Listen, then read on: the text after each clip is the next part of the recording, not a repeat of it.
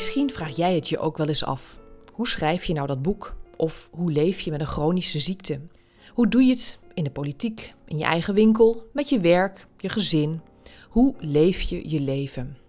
Karin Spreekt Met is een podcast van mij, gespreksleider, interviewer en luisterend oor Karin te geloven. Iedere week spreek ik met mensen bij wie ik me afvraag: hoe doen ze het? Hoe houden ze alle ballen in de lucht en valt er ook wel eens eentje? Ik kijk graag achter het plaatje om er zelf weer van te leren. En jij misschien ook wel. Het was zaterdag dat zij aankwam uit Duitsland. Ze was bij mijn zusje geweest. En toen hadden we haar gewoon een nachtje uitgenodigd. En toen kwam natuurlijk eigenlijk zondag meteen uh, ja, het hele onverwachte nieuws dat alles bijna dicht zou gaan. En toen hadden we zoiets van, mam, we blijven gewoon nog even lekker een tijdje hier. Want we weten niet hoe het zich ontwikkelt. Ja, en het is ook echt wel heel erg inspirerend geweest om haar in huis te hebben. Het was echt fantastisch.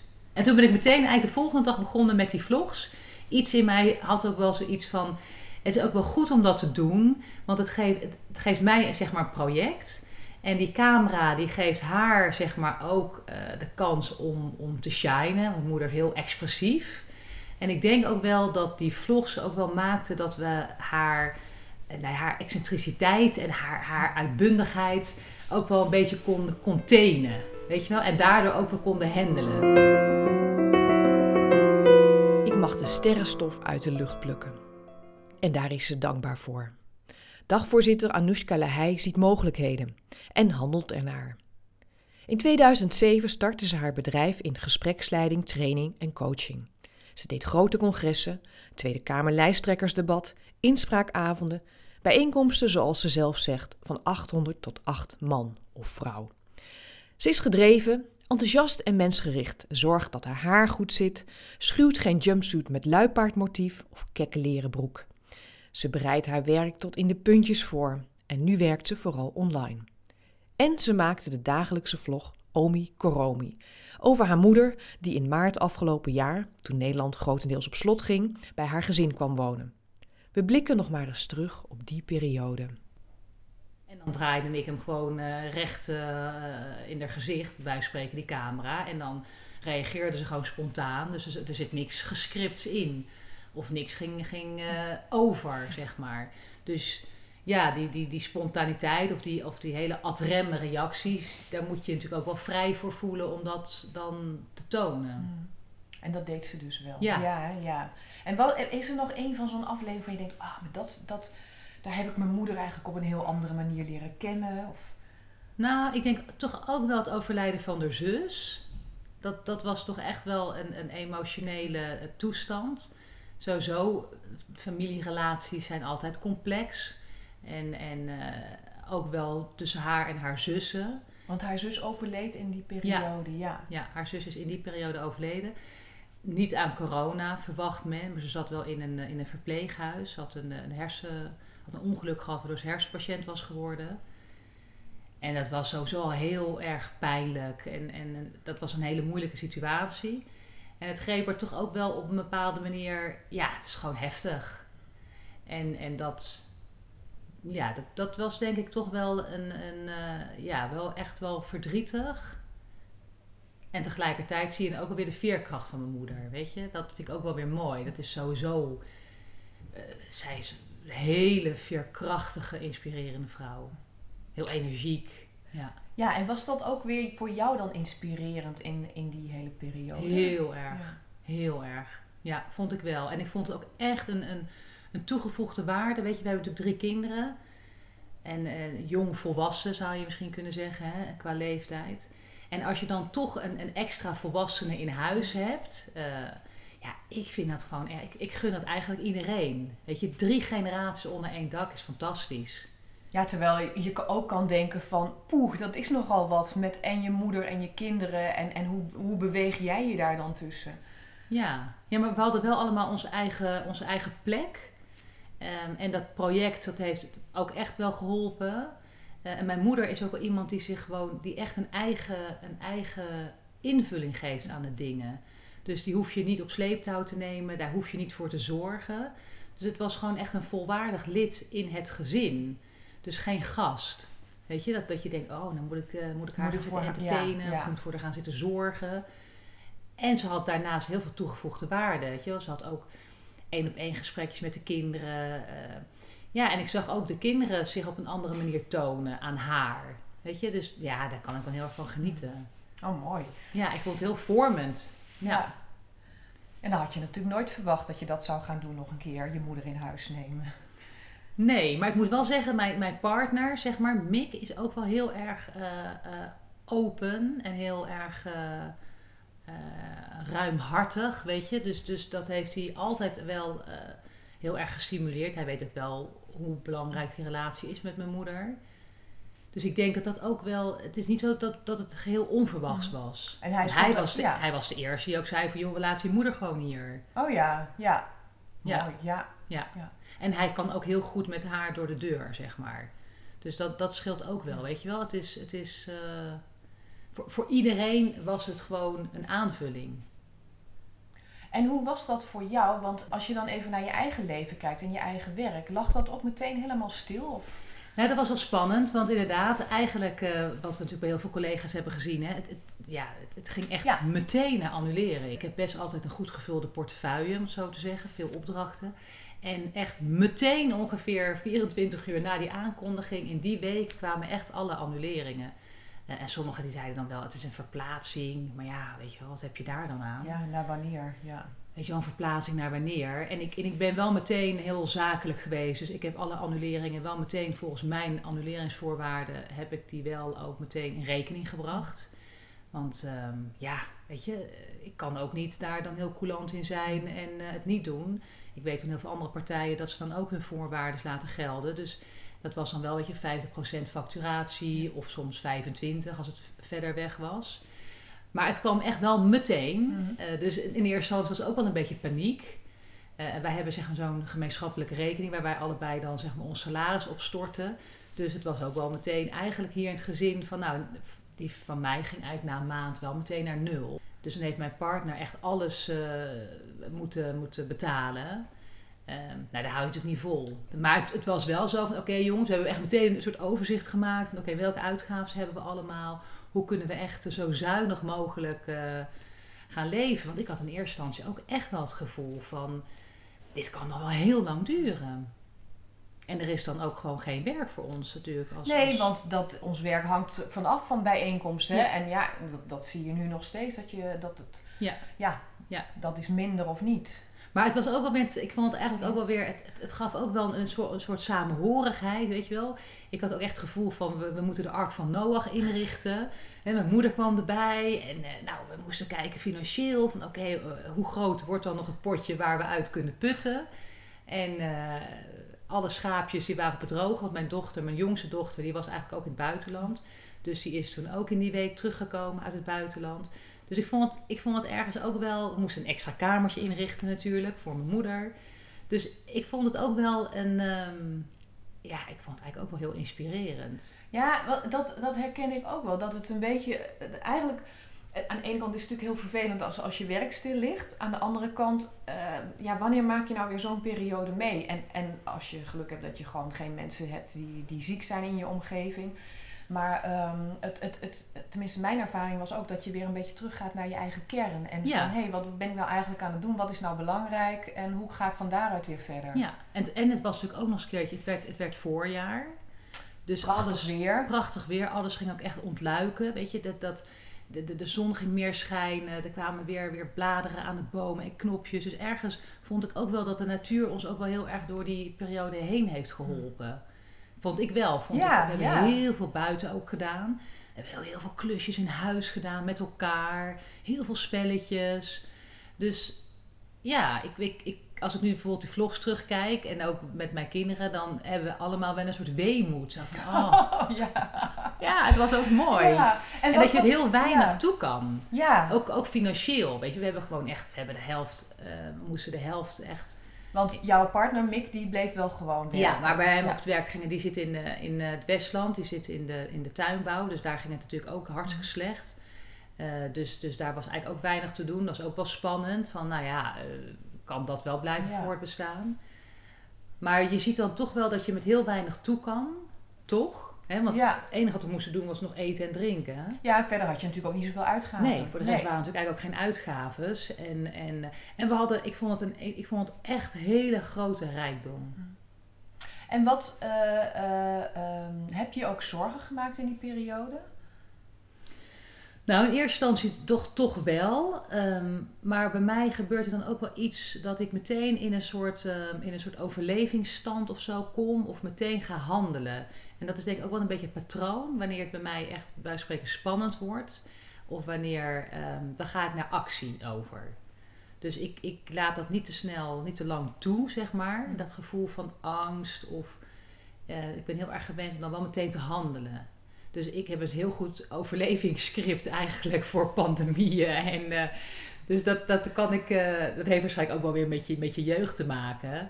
Ik, ik kom op zich wel uit een heel dynamisch, eh, ik heb wel een dynamische jeugd gehad. Dus ik denk dat mechanisme, weet je, dat als het spannend wordt, Om wat te gaan doen? om dan Ja. scherp te worden en, en, en heel goed te overzien wat nodig is. Ga je dan ook echt voor jezelf, eh, maak je dan echt bijna een soort plannetje van, nou, ik ga nu eerst dat doen en dat en dat en in stappen? Of hoe werkt dat bij jou dan? Nee, het is niet echt een, het is niet een, een, een, een, planmatig iets, maar het is meer een soort scherpte. Weet je, een soort alertheid. En dat is iets wat ik sowieso denk ik heel goed heb ontwikkeld in mijn leven. Weet je wel, een, een, een heel goed kunnen overzien van een situatie, scherp zijn in wat er nodig is. Ehm, dat doe ik natuurlijk ook als dagvoorzitter.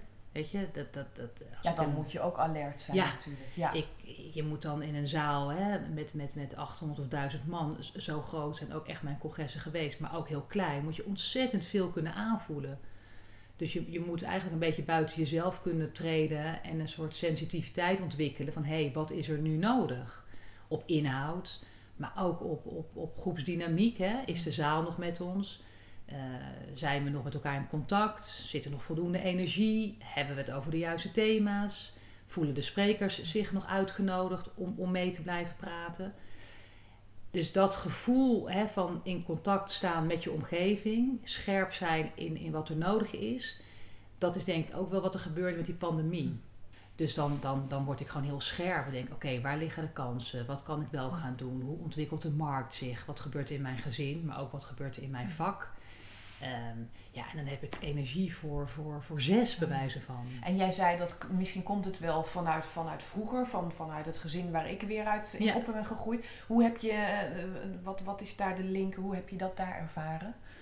Nou, kijk, mijn, mijn ouders zijn vrij vroeg gescheiden. Ik had wel een, een, een, een problematische vader met eh, een, een alcoholprobleem.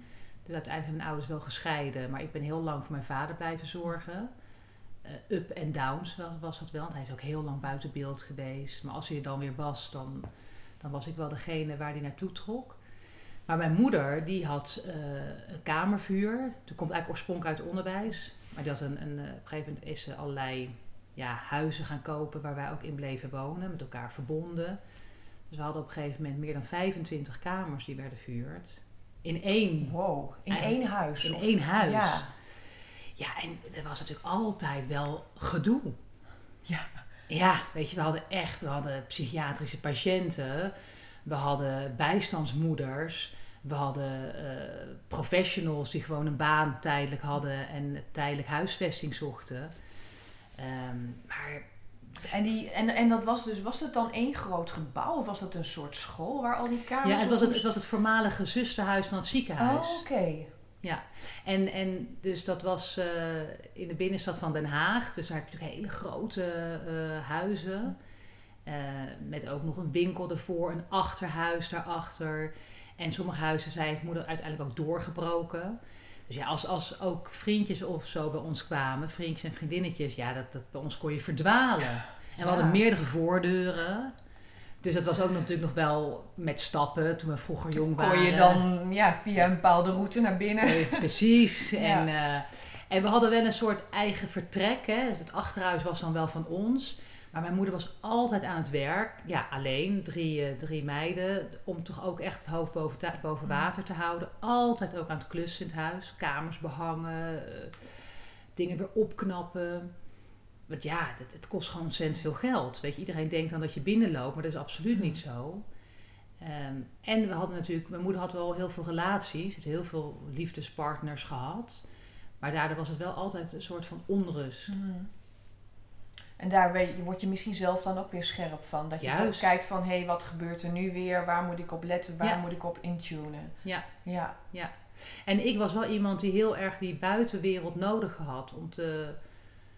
Ik was niet een heel introvert kind. Mm. Ik was juist wel een extrovert kind. Dus ik vond het wel heel fijn om tussen de mensen te zijn. Ik, ik vond het heel fijn om bij mijn moeder te zijn. Dus ik zocht er ook altijd op. Ik hielp heel veel mee. Weet je, als er iets moest gebeuren, dan, dan, dan stond ik aan de zijde en dan ging ik mee behangen of, of, of schoonmaken. Of, eh, dus er zat ook wel een soort verlangen in om voortdurend te kunnen verbinden. ja. Want jij zei in een voorgesprek toen we aan de telefoon waren... dat jouw zussen zijn juist heel ver weg gegaan. Ja. En jij bent juist dicht bij je moeder eigenlijk Ja, gebleven. ja. Ja, want mijn zus en eigenlijk alle, alle twee, die zijn echt naar ver weg. Nou ja, ver weg is het maar allebei naar het buitenland vertrokken. Vrij jong eigenlijk ook wel. Dus die, die hebben zich juist wat meer ervan van afgesloten. en ik ben juist degene die, die het dichtstbij is gebleven. Ja, Dit heeft jou waarschijnlijk ook eh, gescherpt in, in, het, in het zijn van dagvoorzitter. Ja, dat denk ik wel. Ja. Ik denk wel dat je uiteindelijk gaat doen waar je natuurlijk in je jeugd heel erg op getraind bent Ja, geraakt. Ja. Dus dit is gewoon wat ik goed kan. En dat weet je natuurlijk van tevoren niet. Waar dat vandaan komt, weet je. Maar als je natuurlijk een aantal persoonlijke reizen gaat afleggen, denk je van ja, het is niet gek dat ik, weet je wel, heel erg behoefte heb aan het, het willen verbinden, het willen uitreiken. eh, om, om, om daar dan iets goeds van te maken, weet je. Of, of in ieder geval daar beweging in te krijgen. Ehm, wat jij net zei, hè, van eh, jij gaat dan in de actiemodus. Ja. Want je kan je ook voorstellen dat er mensen zijn van... eh, ik ben zelf in ieder geval meer zo iemand die ook eerst even... Ik moet ook even kijken wat er gebeurt. En, dan, en daarna kan ik ook in de actie gaan. Eh, Geldt dat voor jou? Dat je, maar jij gaat wel vrij snel in de Ja. actie. Ja. Ja, ja ik, ik heb dat minder inderdaad. Dat is natuurlijk ook wel weer, dat is op zich natuurlijk ook wel weer mooi om dat wel weer meer te ontwikkelen. Maar ik denk ook dat het mij onbewust, weet je wel, op het moment dat ik, dat ik meer afstand neem of, of meer eh, zou, zou reflecteren, dat ik misschien ergens ook bang ben om dan de connectie te verliezen. Dus ja, en, en dat is natuurlijk ook wel weer een soort groeiproces. Hè? Van hey, durf je ook, durf je ook wat meer afstand te gaan nemen? Durf je ook wat meer ehm, iets minder te geven en misschien ook iets meer te vragen? Hè? Dus dat, dat is, vind ik wel een uitdaging ook in mijn eigen persoonlijke ontwikkeling. Weet je, ik, ik, ik ga meteen aan. Ik geef meteen 150% ook Ja. in mijn werk. Ja. En, en het, het zou ook natuurlijk wel mooi zijn als je iets meer durft te vragen. Of dat je iets meer Even achterover hangen. Ja. En, en even, kom maar even een beetje meer naar mij toe. Juist, Ja, ja. juist. Wat heb jij dan, wat heb jij dan eigenlijk eh, mij te bieden? Ja. En dat is wel een, een interessante beweging, denk ik, voor de komende 20 jaar. ja. dat ik iets meer ook mag vertrouwen dat er ook iets voor mij ligt, weet je? Ja, want die hebt toch ook wel wat opgebouwd, zou ik dan Juist. denken. Ja, Ja. toch? Ja. Dus dat je niet altijd zo hard hoeft te werken, weet je? En dat het ook niet zo is dat als jij niet voortdurend in, de, in de dienende stand staat, eh, dat er dan ook nog steeds, ehm, dat mensen nog steeds blijven. Mhm. Want jij zegt, ik ben bang om de connectie te verliezen. De connectie met wie? Ja, ik denk dat dat een soort diepere angst is, die, die dan is. Toch bang voor het verlies. Van contacten, Ja, ja, eh, ja. werk. Ja, ehm, Dat ja. denk ik. Ja. Kijk, mijn vader is uiteindelijk ook overleden. Dus die, die is ook wel echt aan de drank overleden. Dus ik denk dat dat wel ergens een soort diep eh, verdriet is. Weet je wel, dat je, dat je ondanks het feit dat je heel hard kan werken, dat je heel veel van iemand kan houden, dat iemand je toch kan ontspringen. Ja, ja. En, en dat je dus, en dat weet je rationeel, weet je dat, weet je wel. Zo van, je hoeft, dat kan gebeuren. Maar ik denk dat er, dat er deep down bij mij wel nog een soort mechanisme in zit. Weet je wel, als, als ik nou maar heel erg mijn best doe, dan hou ik het samen. En dat is natuurlijk, dat is natuurlijk niet. Nee, en wat gebeurt er als je dat niet doet? Ja, Ja. ja, ja, Ja. ja, Ja. Maar dan moet het toch ook een beetje een vreemde periode voor je zijn. Je hebt dan inderdaad wel, je hebt je, je, je eigen kern, je gezin met je moeder erbij. Die had je in die coronaperiode om je heen. Uh, maar ik neem aan al- dat je wel de omgeving heel erg dan gemist hebt. Met anderen, of niet? Ja, dat viel eigenlijk best wel mee. Ja. Ja, eigenlijk. Heb, je, heb je je werk gemist? Nou, ik heb mijn werk in, in zodanig gemist. Ik, ik heb het eigenlijk niet echt gemist, omdat ik wel meteen heel veel andere dingen erbij ben gaan doen. Weet je, dat is weer die actiestand van mij. dat, uh, die, die tomeloze energie van oké, hup, en dat gaan we ook nog doen. En dat gaan Want we je dus... bent dat iedereen live ben je natuurlijk, of een, ja. Iedereen live ben je gaan doen? Iedereen ja. live ben ik gaan doen. Eh, Dat kwam natuurlijk ook wel door die vlogs, kwam het op mijn pad. Hè? Die vlogs, eh, Ja. een, eh, een- iemand in mijn netwerk, een collega, vriendin, die is filmmaakster en die had dat gezien. En die zat bij iedereen live en zei, joh Anous, wil je niet bij ons in de uitzending? Wat een geweldig project. Eh nou ja, toen kwam van het een kwam het ander. Toen dacht ik, hé, hey, wacht even, iedereen live. Dat vind ik eigenlijk zelf ook wel heel erg leuk. Kan ik ook niet wat voor jullie betekenen? Dus toen heb ik mezelf natuurlijk even aangediend. Ehm, en toen mocht ik daar gelukkig ook, eh, het is natuurlijk ook allemaal liefdewerk, oud papier, want er was natuurlijk helemaal geen, geen budget. Eh, maar toen mocht ik daar eh, als redacteur ook aan de slag. Want dan, en dan was het de bedoeling dat je mensen opspoorde in Nederland die gewoon vertelden over waar zij op dat moment mee bezig waren. Wat Ja. voor een leuk project Ja. of gewoon thuis. Ja, en mensen konden zich ook via de zender aanmelden Ja. als ze wat leuks hadden. En dan gingen wij eigenlijk als redactie gingen we ook nabellen. Dus wat is dan het verhaal wat ze graag willen vertellen? Dus wij bereiden eigenlijk de uitzending voor de presentator voor. Dus je moet je voorstellen, er kwamen acht, negen items in zo'n uur voorbij. En wij gingen dan natuurlijk voorbellen of zoeken. Want als we, als we er gewoon geen negen hadden, dan moesten we natuurlijk als een gek ons eigen netwerk gaan aanspreken. En, en je zag natuurlijk wel via LinkedIn en Facebook, zag je natuurlijk wel leuke dingen voorbij komen. Dus dan ging je bellen met je eigen contacten. Joh, vind jij het niet leuk om daar wat over te vertellen, Ja, weet ja. je wel? Dus, eh, dus je bereidde eigenlijk de, de uitzending voor, voor de presentator. Maar mijn doel was natuurlijk om ook presentator te zijn. Ja, ik ja natuurlijk. ben, potverdorie, ik zit ook al 13 jaar in het vak. Ja. Maar dit waren wel de bekende Nederlanders, hè? Die, die, die, Die presenteerden, ja, was, precies. ehm, en Adelheid Rozen. Ja. En, dus ze hadden natuurlijk wel ook de bekende Nederlanders om dat programma natuurlijk ook een beetje smoel te Ja. geven. Ja. Ja, en dan, wie is dan Anoushka Lehei, weet Ja. je wel? Dus daar had ik op een gegeven moment wel een beetje moeite mee. Want ik dacht nou, dan gaan ze, dat gaan ze vanzelf wel merken. Dat ik dan natuurlijk ook een hele goede dagvoorzitter ben. En echt wel in de Premier League sta van, eh, van de Nederlandse dagvoorzitters. Ja, dat, dat was natuurlijk helemaal niet, dat was helemaal niet op hun netvlies gekomen, zeg maar. Dus ik was gewoon een soort net afgestudeerde student eh, communicatie. Die daar gewoon hè, redactiewerk ging doen. En waar ik me ook helemaal niet te min voor voelde, want ik vond het echt leuk. Het was ook echt inspirerend om al die mensen ook dan te bellen. Het was echt, echt inspirerend. Maar op een gegeven moment dacht ik wel, na, na twee, twee telefoontjes ook met eh, mijn schoonzusje en met eh, een, eh, een, een goede vriendin. Ja, van, ja, maar als ik dat wil, dan moet ik dat blijkbaar toch wat explicieter maken. ja, want anders weten ze het misschien niet eens. Ja. En ik had het natuurlijk wel een keer genoemd, maar dan in, in de waan van de dag wordt dat gewoon weer vergeten of in de rush, weet je wel. Dus op een gegeven moment heb ik dat wel echt eventjes helder gemaakt, wat mijn ambitie was. En dat ik toch wel eh, helemaal niet erg vond om redactiewerk te doen, maar dat ik toch ook op die andere plek terecht wilde komen. Nou, en de volgende dag was ik natuurlijk presentator. Zat je op die andere plek? Ja, dus dat was wel, dat Ja. was ook wel weer zo'n les. Van ja, weet je, als je iets wil, dan, dan moet je dat ook gewoon, dan moet je daar ook verantwoordelijkheid voor Hmm. nemen. Weet je, en dan, en dan kan je best de, de knip op de neus krijgen. Dat mensen zeggen, "Goh, weet je wel, eh, wie denk jij dat je Hmm. bent?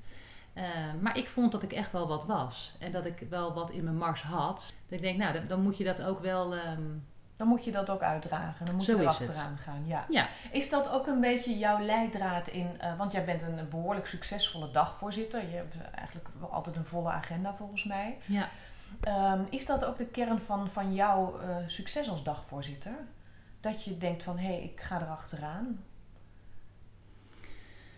Nou, ik weet niet of dat het uiteindelijk het succes is. Ehm, ik, ik denk dat wat mij, ehm, waardoor ik wel echt, echt veel terugkerende opdrachtgevers heb, is ook wel een, een enorme hoge maat van betrokkenheid.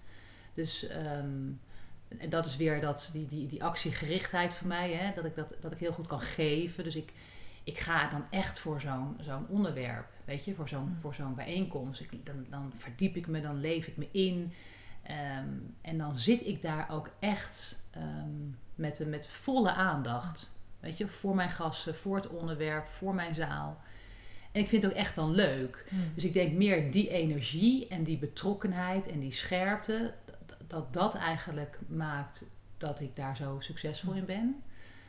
Ehm, maar ik, ik denk ook wel dat mensen mijn stevigheid ergens ook wel waarderen.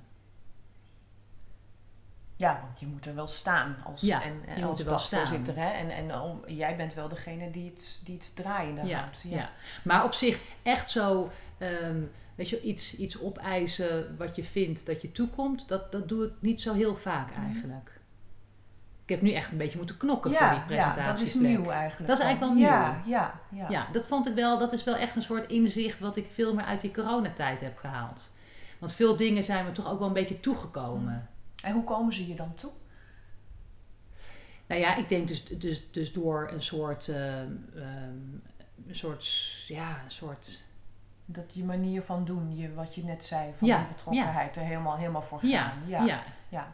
En toch ook wel een soort, hè, mensen zeggen wel eens vaak, ja, jij komt echt binnen. Dus ik denk wel dat ik een soort uitstraling heb, Mm. een soort aanwezigheid Mm. die voelbaar is voor mensen. Dus ik denk wel dat mensen dan denken, oh, maar weet je wel, als we haar dat toevertrouwen, dan komt het goed. Ja, ja. Dus ergens ontzorg ik ook. Ja. Ja. En dat is tegelijkertijd ook wel weer, dat is één kant van mij. Hè? Dus ik noem het altijd, maar dat is wat ik heel erg in het licht heb leren zetten. En wat ook, ook heel erg, waar heel erg ook het licht op heeft gestaan. En, en, en die andere kant, dat ik misschien ook wat meer durf te vragen, of misschien ook wat meer naar achter durf te leunen, dat, dat is wel meer, zeg maar, de next step. Ja, ja. Dat hoort dan misschien ook bij je volgende fase in je ja, leven. Ja, ja, dat zou wel, ja, absoluut. dat, dat hoort misschien ook bij een beetje als je weer net iets ouder Wat wordt ouder en ervarener. Ja, ja. Wat, wat vind jij, eh, of zijn er dingen die je... Ik heb het zelf wel eens hoor, als ik voorzitter ben, dat ik, ik vind het ontzettend leuk en, en bereid je ook helemaal voor. En dan even die dag zelf, dan denk ik altijd, oh, wat ben ik gaan doen? Waarom doe ik dit eigenlijk? Want ik vind het ook spannend. Terwijl als je er dan weer staat, dan is het, ja, dan gaat het, dan loopt het. Heb jij ook van die momenten dat je denkt, oh, waarom ben ik dit gaan doen? Nou, dat heb ik eigenlijk alleen bij, bij eh, Engelstalige klussen. Die doe ik, die doe ik ook wel. Ehm, regelmatig eigenlijk ook. En daarvan denk ik steeds minder. Dus er zit wel een groeiproces in. Eh, maar nog steeds wel af en toe denk ik... Oh, waarom heb ik nou ja gezegd tegen deze klus, man? Dit is... dit- Weet je, het Engels is niet, is niet je, je, je, je, Nee. je moederstaal. Dus je bent dan toch gewoon... Voorbereiding is intensiever. De spontaniteit is minder. Je scherpte is minder. Dus datgene waar ik eigenlijk altijd op kan vertrouwen... Dat, dat is er dan niet. Dus ik ben het echt gaan doen om uit mijn comfortzone te komen. Eh, om echt die uitdaging voortdurend scherp te houden. Eh, en het, het gaat ook elke keer dan toch goed. Maar het kost me wel veel meer energie. En dat gevoel wat jij dan hebt van... Oh shit, Waarom? waarom? ja. Ja, Ja. ja, ja. Ja. Maar, maar eigenlijk met, met de, de reguliere klussen... Nee, nee, vind Nee. Ik, nee. En ik heb het eigenlijk nooit echt gehad. Ik ken ook wel collega's die zeggen van... Ja, je, pff, als ik dan zo'n zo'n zo'n bij Engels heb gehad... dan moet ik echt een dag daarna echt bijkomen. Ben ik helemaal kapot. Nou, dat heb ik absoluut niet. Nee, het kan je ook heel veel energie juist Ja. geven. Hè? Ja, ja, dat vind ik ook. Heb jij echt bewust ervoor gekozen om dagvoorzitter te worden? Daar heb ik echt bewust voor Oké, gekozen. en ja. hoe, wat, wat Ja. was dat moment? Nou, toen ik, toen ik ehm, eh, in loondienst was, toen had ik op een gegeven moment was ik bij een bijeenkomst eh, geweest eh, van, van, van JS Consultancy volgens mij. En dat was met Ruben Maas, die was daar de dagvoorzitter. En die, ik zag hem dingen doen, ik zag hem dus een soort debat leiden. En dat deed hij op zo'n geweldig leuke manier. En hij, hij vroeg zo goed door op de discussie die ontstond, ook met ons als publiek. Het was een, vrij, was een kleine bijeenkomst, denk man of dertig. En, en dat deed hij zo scherp en interactief en, en geïnteresseerd en kritisch. En nou, dat ik dacht van Jezus, maar dit is wat ik wil. Hè? Dus daar komt mijn journalistieke interesse, maar ook mijn, mijn human interest komt daar heel erg in terug.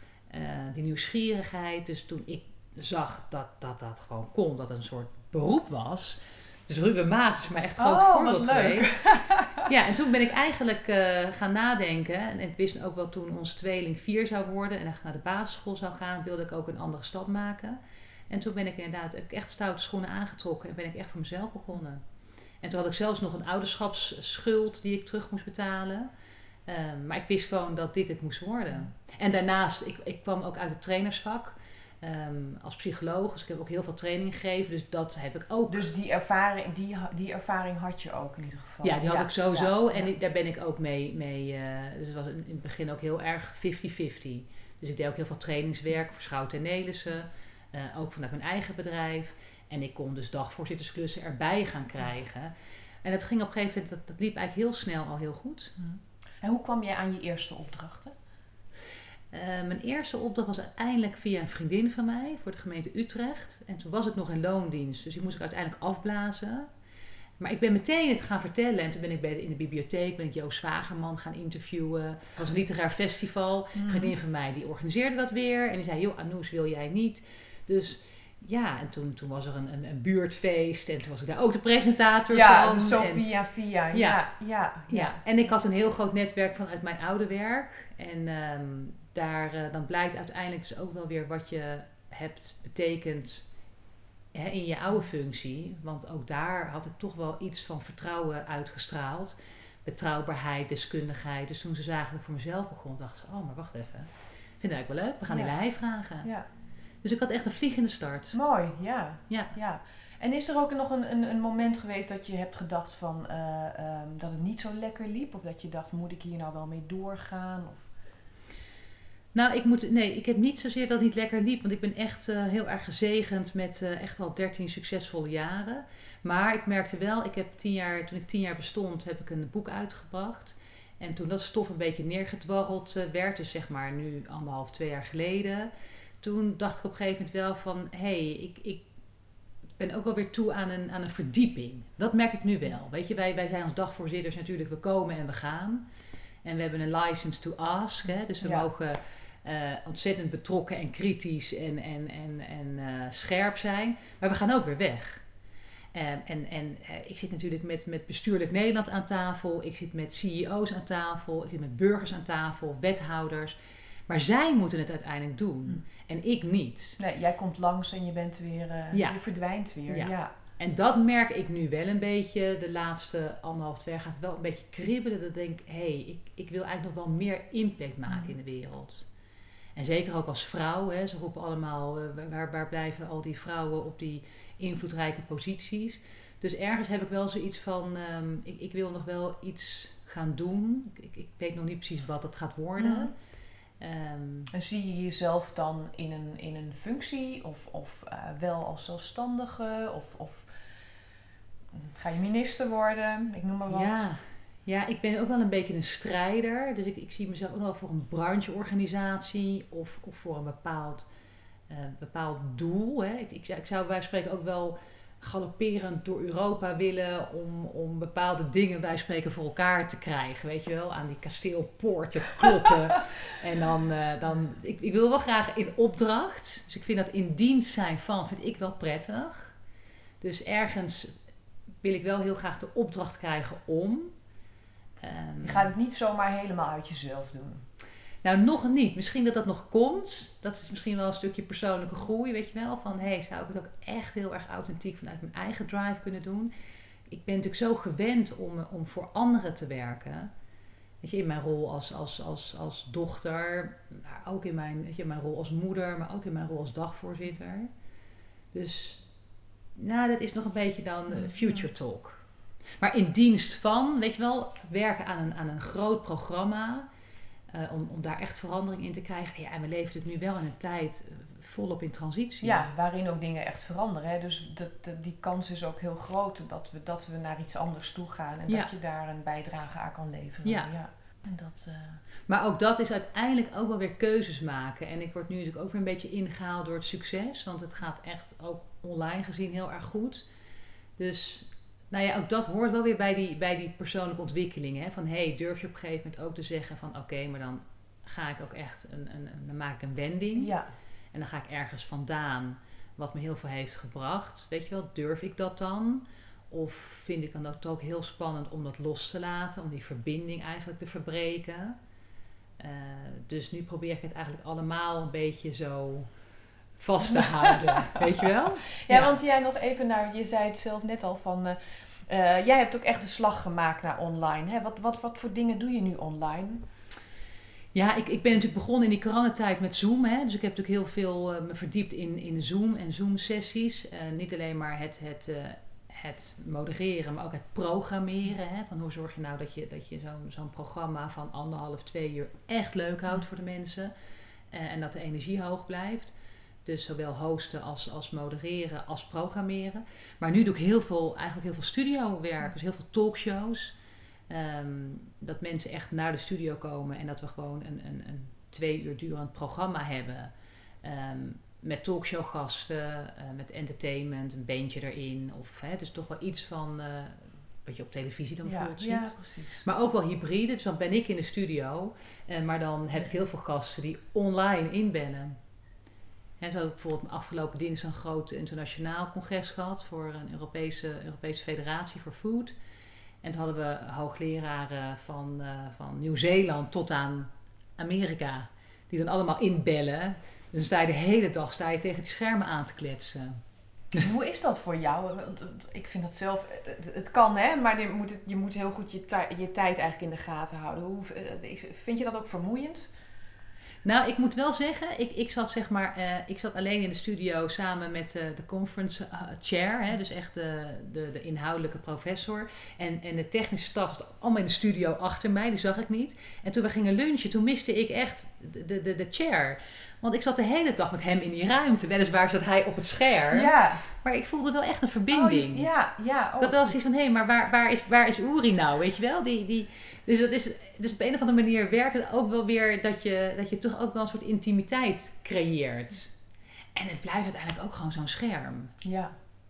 Dus ja, maar ik vind, ik vind het toch verrassend hoeveel intimiteit er toch ook door zo'n scherm heen komt. Vind ik persoonlijk.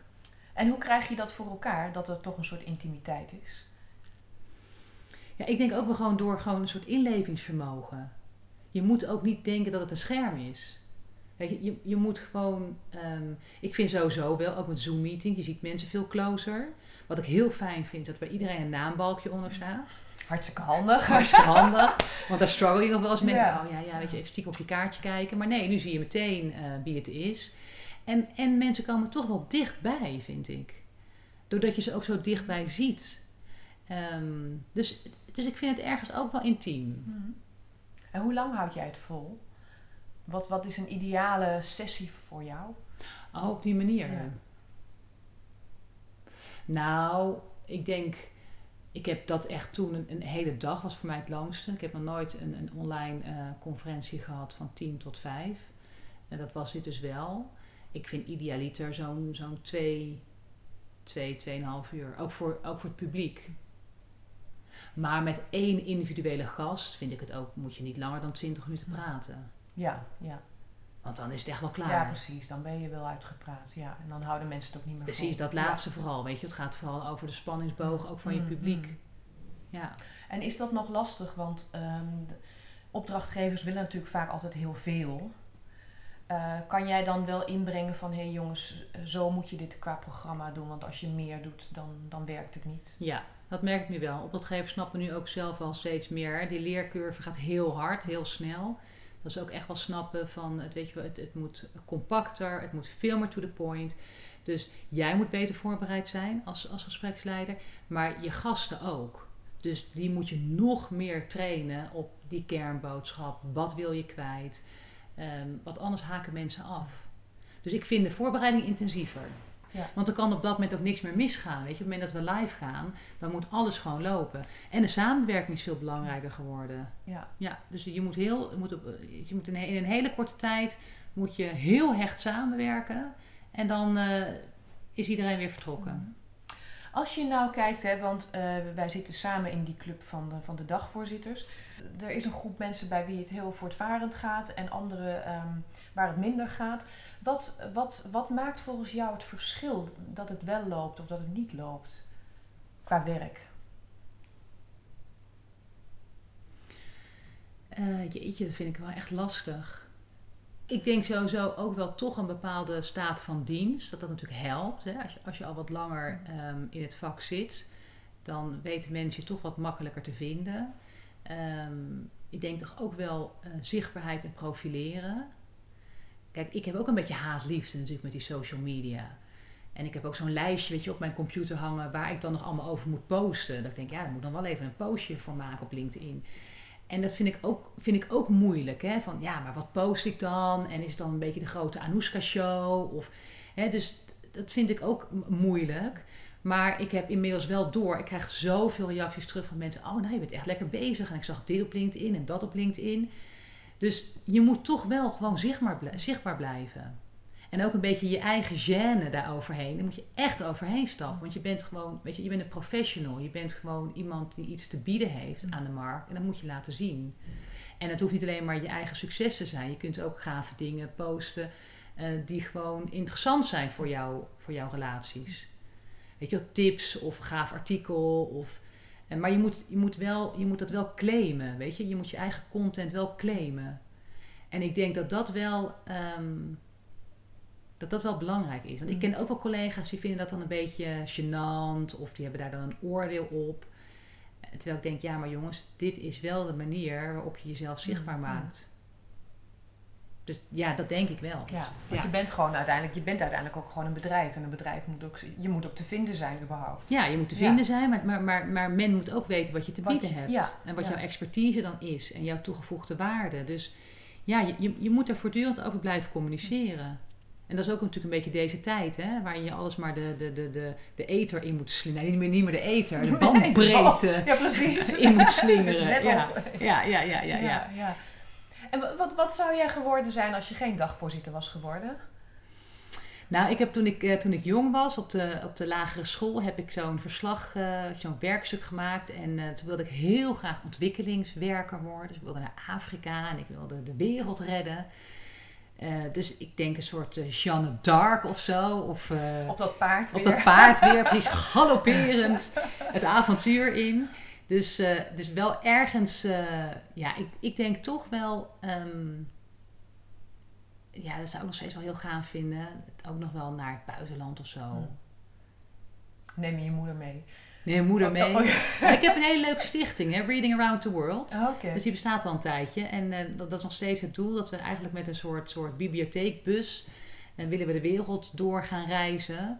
Dus we zijn nu ook nog steeds, weet je wel, een, een, pot aan het sparen. En we hebben contact ook met een aantal uitgeverijen. En dan willen we eigenlijk de wereld door... En dan overal mini-bibliotheken opzetten. Oké. En dan dacht ik inderdaad ook met een hele, hele grote fauteuil boven op het dak. En daar kan mijn moeder dan vanuit voorlezen. Weet je wel? Oh. maar ook om, ook om lokale schrijvers zeg maar, een podium te geven.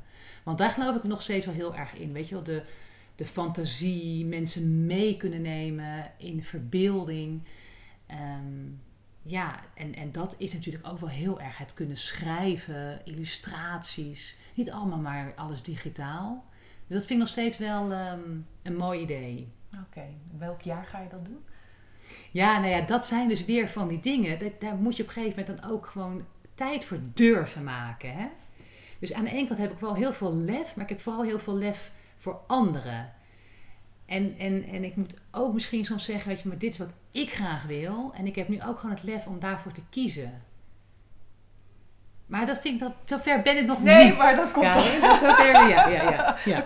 Als jij nog tot slot uh, uh, een, een, een, een, een les of een motto, uh, misschien waar anderen ook iets aan hebben, kan meegeven. Waarvan je zelf ook zegt van, nou, dat is voor mij ook, dat heeft me in ieder geval in mijn, mijn, mijn eigen leven enorm geholpen en helpt me nog steeds. Nou, wat ik, wat ik wel echt mooi vind, um, en dat vind ik dus echt nog steeds wel de inspiratie van mijn moeder, weet je wel, dat je eigenlijk um, het, de waarde in het waardeloze kan vinden. Hè? Dus waardeloze producten of, of dingen die niet van waarde zijn volgens de mainstream, dat je toch elke keer die verrassing houdt in je eigen geest. Dat je denkt van ja, maar weet je, dit is gewoon eigenlijk gewoon uniek. Dus dat je met het kleine eigenlijk iets heel groots kunt realiseren. En maak je dan, maak eens, iets concreter als je wilt? Um, ja, dat, dat heeft eigenlijk te maken met dat je altijd verrast blijft. En dat je altijd een beetje dat, dat sterrenstof waar jij dan, dan mee begon, maar dat je ergens altijd een soort vindingrijkheid houdt in je geest. Uh, dat, je, dat, je de, dat je de routine niet um, je eigen maakt. Dus dat je, dat je eigenlijk altijd verrast blijft door, door, door de eenvoud. Of verrast blijft door iets wat misschien, um, wat je misschien gewoon op, straat tegenkomt. Weet je? Of, of je loopt straks naar buiten en je kijkt om je heen en denk je, oh, maar dat is eigenlijk allemaal zo vanzelfsprekend wat ik zie. Maar dat, als je goed kijkt, is het niet vanzelfsprekend. En dat vind ik wel het mooie van kunstenaars. Weet je, die weten eigenlijk het, het, het, onze luie geest weer te prikkelen, omdat zij dingen blijven zien die, die wij niet zien. Omdat we op een gegeven moment lui worden of, of, of, of in routine raken. Dus blijf jezelf uitdagen. En, en als je dat niet van, van nature hebt, weet je wel, blijf jezelf ook prikkelen door, door nieuwe dingen te bekijken of door verrassende ontmoetingen te hebben. Ja. ja. En ik vind ook nog wel een belangrijke les, waar ik zelf natuurlijk ook middenin zit. Durf ook, ehm, durf ook te vragen. En ik bedoel dan niet zozeer vragen in wat wij doen als vragenstellers. Maar weet je wel, creëer een balans in wat je geeft in het leven. En wat je ook ergens terug mag ontvangen. En sta daar, weet je, op een of andere manier voor open. Weet je wel, kan, dat vind ik voor mij wel een uitdaging, echt leren ontvangen.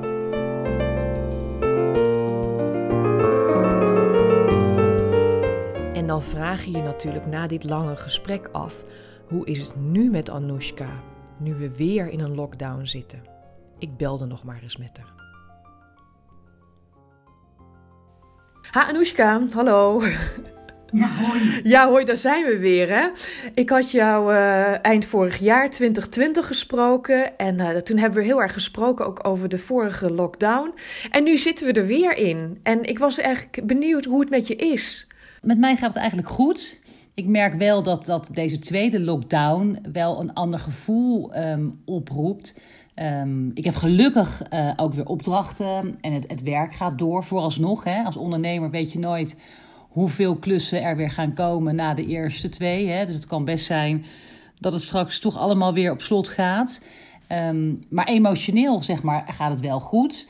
Uh, alhoewel je wel merkt dat iedereen en mijn gezin, weet je, iedereen raakt wel een beetje. ehm, ja, je raakt het wel een. Je raakt er een beetje klaar mee, om het zo te zeggen. En, en dat is natuurlijk wel iets wat we wel gaan missen, dat perspectief. Eh, want het gaat een beetje gewoon worden, hè, dit gevoel nu. En dat vind ik wel zorgwekkend. Ja, want in de vorige had je, zei je nog van, ach, het is ook wel even lekker, hè? Zo echt met mijn gezin. Je moeder was er toen ook, want is die er nu ook? Nee, nee, nee, nee, nee. Die is toch echt uh, thuis gebleven. En ik had zelf zoiets, uh, eigenlijk onze kinderen ook, van uh, ja, Omi moet weer naar huis komen, want het is veel gezelliger als Omi erbij is. Maar weet je, met die Engelse variant die we nou natuurlijk hebben. En ook, um, ja, weet je wel, iedereen gaat toch ook wel naar school of naar vrienden. En ik weet niet, de bewegelijkheid is, is toch meer geworden dan bij die eerste lockdown. En dat zie je natuurlijk ook al met de cijfers. Dus ik vind het risico ook gewoon toch te groot nu. Dus die, die naïeve periode eigenlijk van de eerste lockdown, die is een beetje voorbij. Dat is eigenlijk ook een beetje jammer, hè? Ja, ja. Het had, toen we natuurlijk ook het voorjaar en alles, dat, dat, dat ging natuurlijk ook weer, dat, dat, dat stond in, in bloei en de dagen werden lichter en warmer. En nu is het natuurlijk toch een andere periode. Maar nu is het toch een beetje uitzitten. Hè? Dat gevoel hebben we denk ik allemaal een beetje. Ik vind het een gekke tijd. Ja, dat is het denk ik ook gewoon. En in ieder geval maar gewoon voorlopig even uitzitten, denk ik, hè? Dat is het, het uitzitten en eigenlijk toch uh, elke dag weer uh, de sparkling zoeken, hè? die zo'n dag uh, de moeite waard maakt. Want er zijn natuurlijk ook gewoon genoeg dingen in het kleine waar je enthousiast en, en plezier aan beleeft. Dus dat is ook wel weer de uitdaging om dat ook te blijven zien. En zo'n dag gaat weer vanzelf voorbij. Het wordt vanzelf straks weer voorjaar. En dat is ook weer een andere energie die dan weer gaat ontstaan. Dus laten we daar allemaal een beetje naartoe werken. Ik denk dat dat wel goed is. Nou, daar eindigde je de vorige keer ook mee. En dat lijkt me voor nu ook een heel mooi punt om mee te eindigen. Dank je wel. Graag gedaan. Leuk je nog even weer gesproken te hebben in 2021.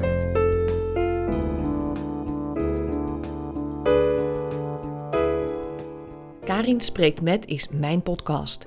En ik ben gespreksleider, interviewer en luisterend oor Karin Tigeloven. De muziek onder deze podcast is een eigen compositie van buurman Henny Westerwaal. Met dank aan zijn vrouw Connie, want Henny is niet meer, maar zijn muziek gelukkig nog wel. Vind je de podcast leuk, mooi, interessant? Abonneer je dan en geef sterren. En heb je zelf ideeën of tips? Mail ze naar contact.karintigeloven.nl Karin met een C. Tot volgende week.